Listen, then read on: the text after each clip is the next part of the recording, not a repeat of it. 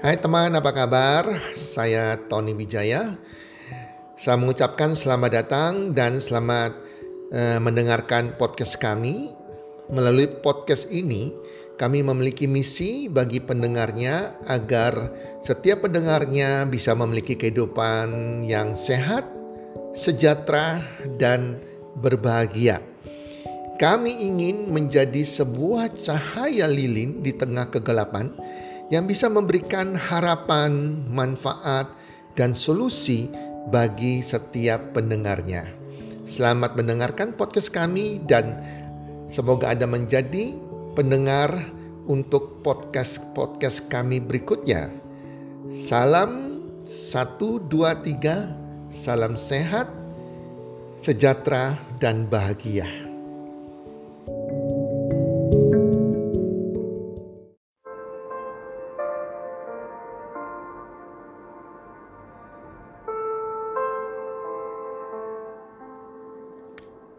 Paradoks Sukses Hai para pendengar podcast di mana pun Anda berada saat ini, apa kabar?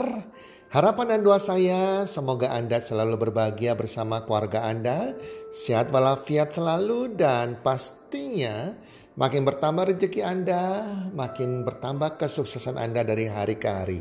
Semakin Anda mendengarkan podcast kami, Anda makin bertambah rezekinya dan bertambah suksesnya. Para pendengar, Paradoks sukses. Apa itu sih paradoks? Paradoks adalah pernyataan yang kontradiksi atau bertolak belakang atau berlawanan dengan kebiasaan umum atau pandangan umum. Nah, banyak macam paradoks sih sebetulnya. Cuma saat ini saya akan membahas tentang kesuksesan, maka saya katakan saya akan membahas tentang paradoks sukses. Ada beberapa paradoks sukses yang kalau kita dengarkan paradoksnya seakan bertolak belakang dengan pandangan orang-orang atau kebiasaan umumnya. Contohnya, jika ingin menjadi besar, menjadi terkemuka, kita perlu menjadi pelayan. Jika mau jadi terkemuka, harus jadi hamba. Nah itu contoh paradoks sukses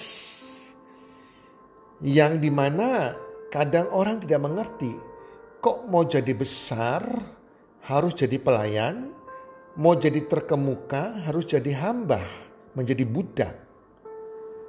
Ya, kemudian ada paradoks sukses yang lain, jalan menuju ke atas adalah turun ke bawah. Padahal kalau kita naik ke atas ya naik ya bukan malah turun gitu loh. Itu adalah paradoks. Kemudian ada lagi paradoks sukses yang lain. Menjadi besar dengan cara menjadi kecil. Jadi Anda mau menjadi besar harus dengan cara menjadi kecil. Ada lagi paradoks yang lain menjadi terkenal dengan cara menjadi tidak berarti. Dan juga ada yang lain paradoksnya, buang hakmu, jangan tuntut hakmu, tapi lakukan kewajibannya. Nah itu contoh-contoh paradoks sukses. Yang di mana kalau kita pikirkan itu agak berbeda dengan pandangan umum. Ternyata teman-teman, kalau kita mau sukses, kita harus melakukan paradoks sukses tersebut. Karena orang-orang sukses di dunia, orang-orang besar di dunia, mereka memiliki sikap mental melakukan yang namanya paradoks sukses yang saya tadi sudah sampaikan. Paradoks-paradoks tadi yang saya sampaikan itu itu menunjukkan karakter kepemimpinan. Jadi kalau orang sukses adalah pasti dia memiliki memiliki leadership, memiliki kepemimpinan, karakter kepemimpinan. Sedangkan tidak semua orang yang memiliki karakter kepemimpinan. Kalau seorang manajer, seorang bos sekalipun belum tentu memiliki karakter kepemimpinan. Jelas ya. Tetapi kalau kita mau jadi sungguh-sungguh sukses, sungguh-sungguh dihargai, ternama, dihargai oleh bawaan kita, dihargai oleh tim kita, dihargai oleh teman kita, dihargai oleh tetama, sesama relasi kita. Karakter kepemimpinan ini harus kita miliki. Kita ingin juga tim kita, kita ingin supaya uh, komunitas kita, bawaan kita setia kepada kita, mencintai kita. Kita harus punya karakter kepemimpinan. Tetapi kalau karakter kita karakter ngebosi, bos, atau manajer, manajer kadang tidak memiliki karakter atau sikap mental kepemimpinan tersebut, teman-teman. Nah, semua itu bicara mengenai karakter atau sikap mental kepemimpinan itu dari sikap hati. Sikap hati kita, teman-teman. Sikap hati yang di mana kita tidak sombong, tetapi memiliki kerendahan hati. Teman-teman, semua orang bisa punya karisma, semua orang bisa punya kepandaian, semua orang bisa pandai berbicara, pandai berpidato, semua orang bisa pandai berdebat, punya keterampilan, berbakat, pengalaman. Semua orang juga bisa punya kedudukan baik di sebuah perusahaan, di lembaga instansi, di organisasi politik, di pemerintahan. Tetapi kalau kita mau tetap naik, tetap bertahan, tetap dicintai, kita harus punya hati. Hati yang rendah hati Bukan rendah diri teman-teman ya. Rendah diri artinya minder. Tapi rendah hati. Rendah hati bertolak belakang dengan kesombongan. Orang yang tinggi hati itu sombong. Jangan teman-teman tapi rendah hati. Memiliki hati hamba. Memiliki hati pelayanan. Memiliki hati yang mau turun ke bawah. Memiliki hati yang peduli sama orang lain. Memiliki hati yang uh, merasa dirinya ini bukan orang besar, hati yang mau selalu merasa mau belajar terus, memiliki hati yang tidak sombong, merasa terkenal, tetapi merasa dirinya biasa-biasa saja dan tidak berarti. Memiliki hati yang bukan menuntut haknya, tetapi dia menunaikan kewajibannya kewajibannya yang utama teman-teman. Banyak pemimpin-pemimpin, apalagi kita melihat di dunia politik, di pemerintahan, yang menuntut hak mereka. Tetapi kewajiban mereka, mereka tidak melakukan. Kewajiban kepada masyarakat, peduli kepada masyarakat, mereka tidak melakukan teman-teman. Jadi kalau kita mau sukses menjadi pemimpin yang baik, semua dari sikap hati kita. Seseorang bisa kita lihat dengan penampilan yang nampak di luarnya luar biasa. Pakaiannya, karismanya, pandai bicaranya. Tetapi kita nggak bisa melihat hatinya. Jangan melihat seseorang dari penampilan di luarnya tetapi kita harus mengecek hatinya. Karena apa? Kalau penampilan penampilan di luar sering membuat kita terkecoh, penampilan yang bisa dilihat dengan mata membuat kita terkecoh, kita ketipu karena terkesima oleh karismanya dengan perkataan dengan janji-janjinya. Tetapi kita melihat hati.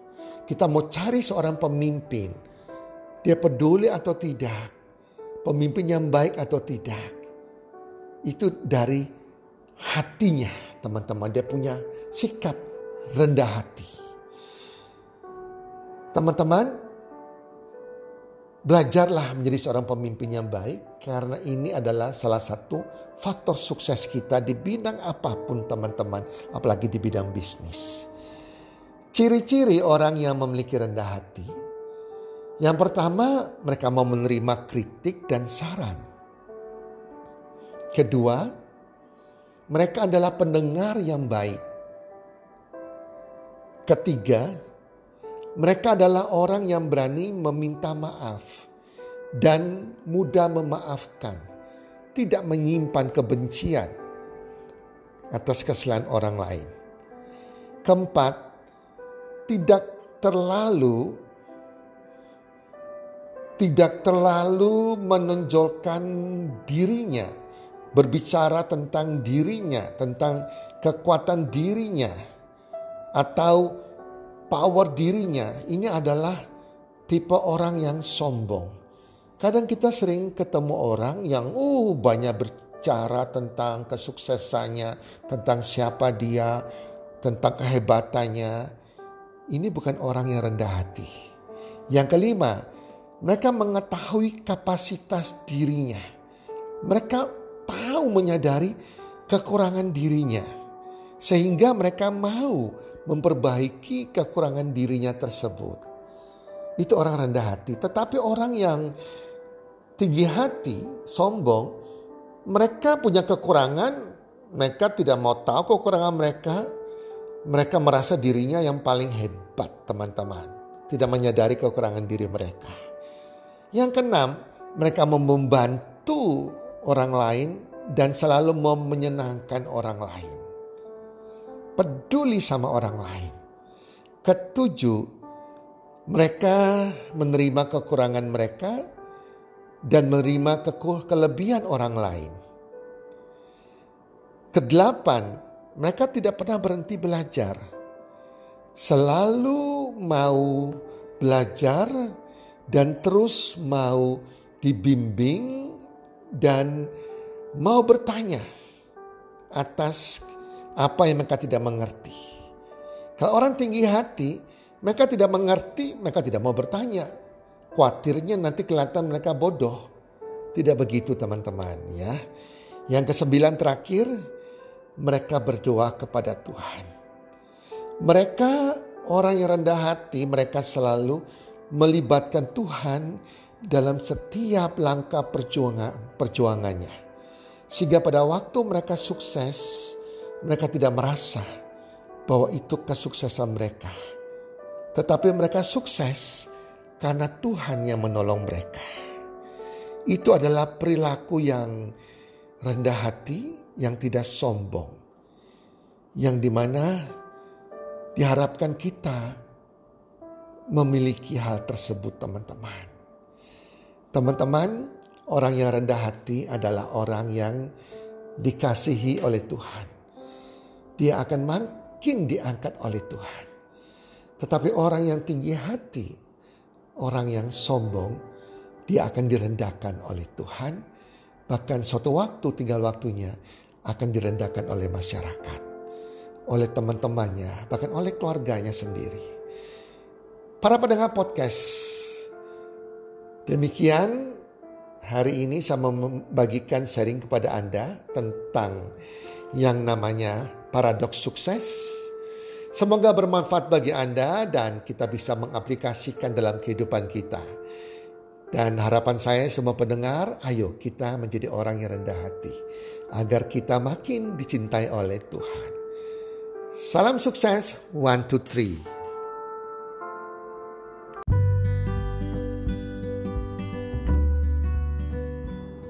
Terima kasih sudah mendengarkan podcast kami. Teman, jika Anda rasa bermanfaat podcast kami ini, Anda bisa menginfokan kepada rekan kerja Anda, keluarga Anda, teman ataupun sahabat Anda. Dan jika ada hal-hal yang Anda ingin tanyakan kepada kami ataupun topik-topik apa yang Anda ingin kami bawakan, kami sampaikan, Anda bisa DM kami di Instagram kami healthcommunity.id. Salam one two three, salam sehat, sejahtera dan bahagia.